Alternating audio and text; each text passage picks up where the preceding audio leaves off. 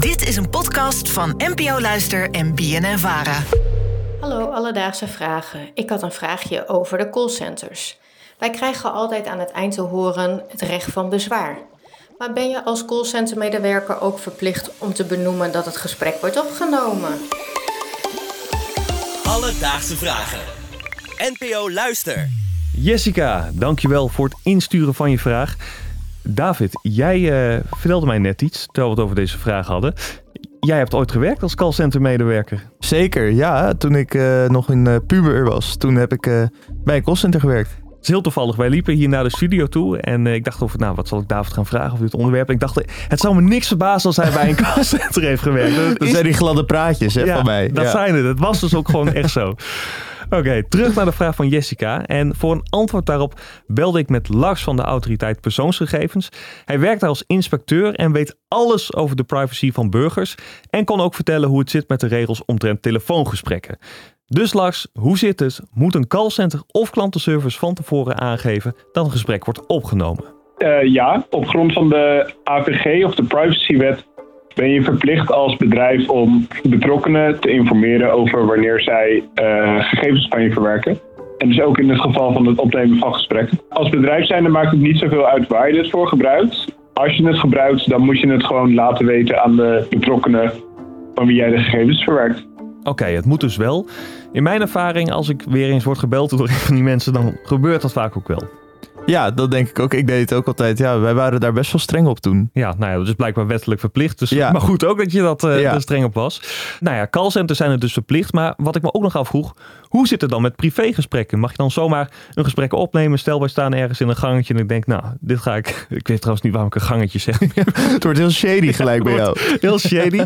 um, maar stel, ik denk, nou, laat ik het eventjes opnemen. Mag dat eigenlijk wel? Ja, als privépersoon of als particulier val je onder de huishoudelijke exceptie vaak.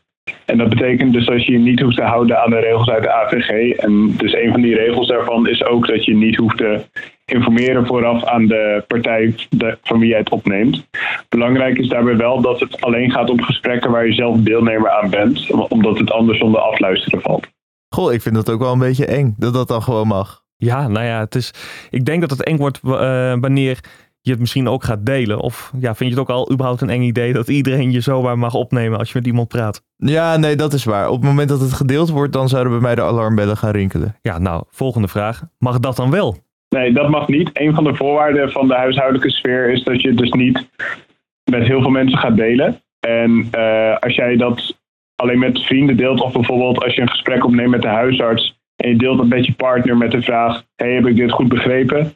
Dat mag wel, maar het is niet de bedoeling dat je dat in een openbare groep gaat delen, zoals bijvoorbeeld op het internet.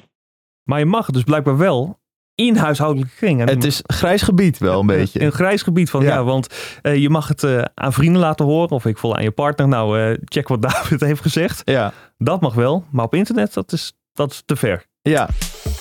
Alledaagse vragen. Nou, David, wij zijn allebei werkzaam in de journalistiek. Toch een werkveld waar je regelmatig wat mensen spreekt. En in sommige gevallen wil je ook wat informatie van iemand vastleggen. Maar soms is het toch niet zo handig om te zeggen tegen iemand: hey, ik ben je aan het opnemen. Nee, dat uh, welbekende off-the-record gesprek. Ja, mag zo'n off-the-record gesprek, terwijl je toch stiekem opneemt, mag dat nou wel of niet? Nou, dat is toch een vraag die ik had. En Lars zei daar het volgende over. Uh, dat mag. Net als bij personen geldt voor journalisten een bepaalde uitzondering. Dat betekent dat zij onder omstandigheden niet hoeven te voldoen aan de AVG.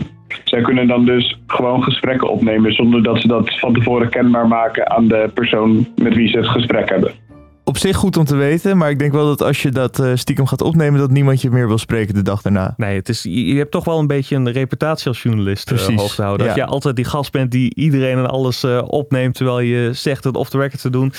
Vrij kwalijk. Ja.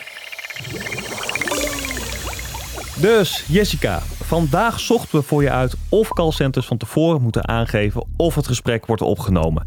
En dat moeten ze. Als bedrijf ben je verplicht om aan te geven dat je gegevens van de persoon verwerkt. En dat geldt dus ook voor een opgenomen telefoongesprek. In de privésfeer ligt het iets anders. Daar is het niet nodig om aan te geven dat je een telefoongesprek opneemt. Maar het is dan niet de bedoeling dat je dit gesprek vervolgens met iedereen gaat delen. Heb jij ook een vraag? Stuur ons dan een berichtje op Instagram. Dat is Alledaagse Vragen. Maar je mag ook een mailtje sturen naar alledaagsvragen.bnnvara.nl en dan zoek ik het voor je uit. Alledaagse vragen. NPO Luister. BNN Vara.